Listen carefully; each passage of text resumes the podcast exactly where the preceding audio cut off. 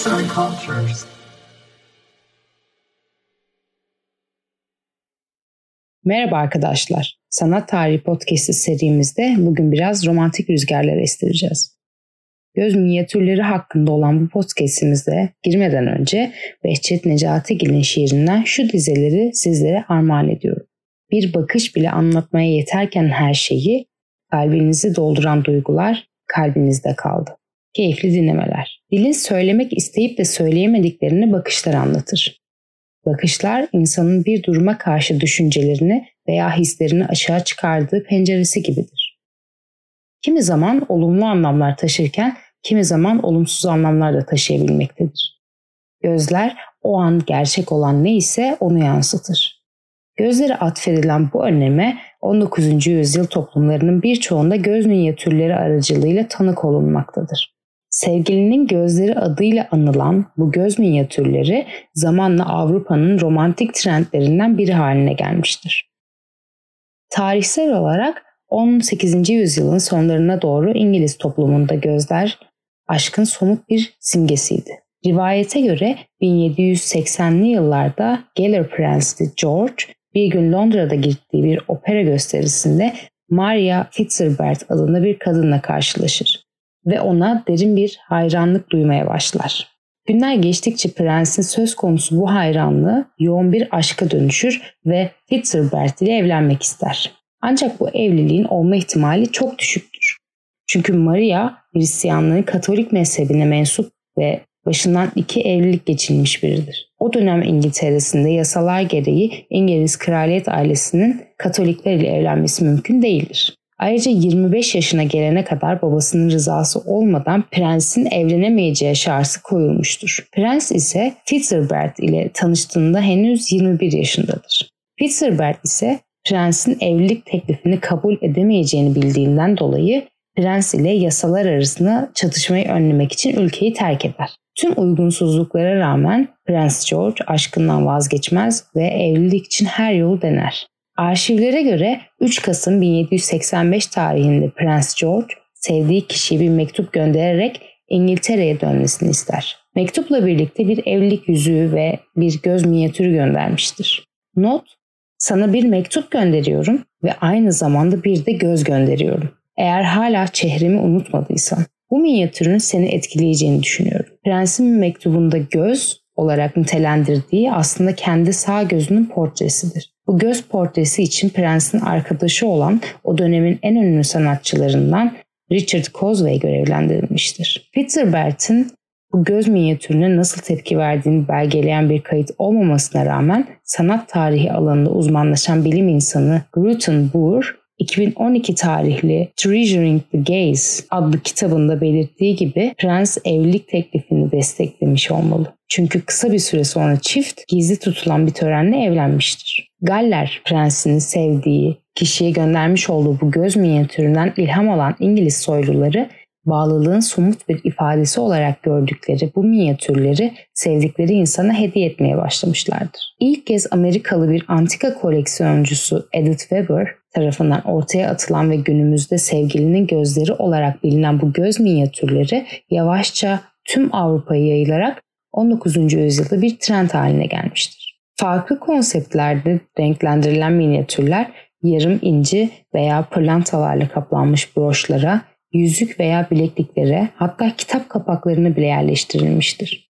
Sanat tarihçisi Jennifer Horn'a göre insanlar onları kalplerinin yakınlarında, bileklerinde kullanırlar. Böylelikle sahibinin vücudu ile özne ve kullanıcı arasındaki duygusal yakınlığı yansıtan bir somut bağ oluşur. Her bir göz minyatürünün kendine has bir değer taşıdığı söylenmektedir. Bazıları sembolik bir anlam için belirli bir mücevherlerin içine yerleştirilmişlerdir. Örneğin etrafı incilerle kaplı olan bir broşun içerisinde yer alan göz portresi vefat etmiş olan bir kişiyi temsil etmektedir. Bu durum o kişinin yeni sevilenin gözünü çevreleyen incilerden anlaşılmaktadır. Bu durum o kişinin yani sevilenin gözünü çevreleyen incilerden anlaşılmaktadır. Çünkü inciler gözyaşlarını ifade eder. Böylelikle sevilenin bakışları ölümde bile ölümsüz kalacaktır. Elmaslarla çevrili bir yüzüğün çevresinde yer alan minyatür de elmasların huzuru ve uzun ömürlülüğü temsil ettiğine inanılır. Kimi göz minyatürleri sahibini kötülükten koruduğuna inanılan mercan taşları ile çevrelenirken kimisi gerçek dostluğu simgeleyen lal taşları ile çevrelenmiştir. Zaman zaman sevgiliye ithaf edilen bu göz portreleri aile üyeleri içerisinde saf simgenin sembolü olarak kullanılmıştır. Arşivler çeşitli aile üyeleri arasında nasıl dağıtıldıkları konusunda gizemini korusa da birçok aile göz portrelerine sahiptir. Örneğin Prusya kraliçesi Louis eşine doğum günü hediyesi olarak kendi gözüyle birlikte çocukların gözlerini içeren bir aile göz portresi yaptırmıştır. Çoğu durumda hem tasvir edilen göz minyatürlerinin kimliği hem de onu boyayan sanatçı bilinmemektedir.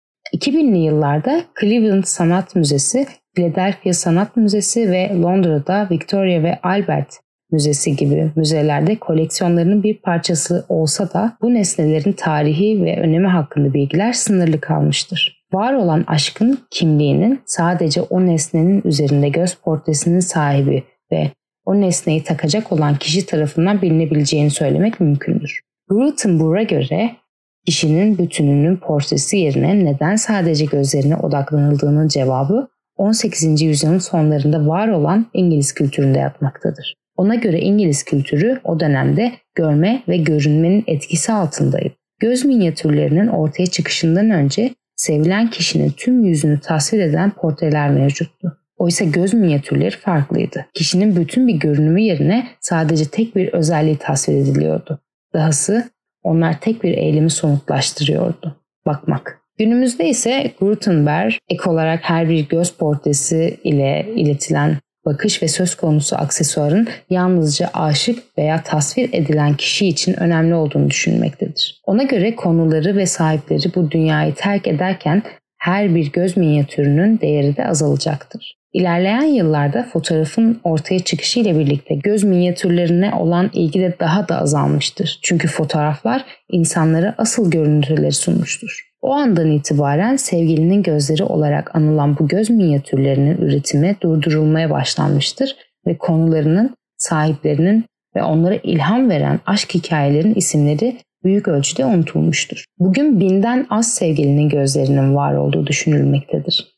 En büyük koleksiyonun Birmingham'da yaşayan Skyer çiftine ait olduğu iddia edilmiştir. Doktor David Skyer ve eşi 1993'ten beri göz minyatürleri toplamaktadır. Hatta bu çift 2012 yılında Look of Love, I Miniatures from the Skyer Collection adıyla bir sergi düzenlemiştir. Ne var ki 2020 yılının Aralık ayında Netflix'te yayınlanan Bridgerton dizisiyle söz konusu bu göz minyatürleri hafızalarda yeniden canlanmıştır. 19. yüzyılda var olan İngiliz toplumunun yapısını kendine konu edinmiş dizide karakterlerden Marina Thompson boynunda bir göz minyatürünün bulunduğu kolyeyi taşımaktadır. Marina'nın ondan uzakta yaşayan ancak evlenmeyi planladığı bir sevdiği vardır.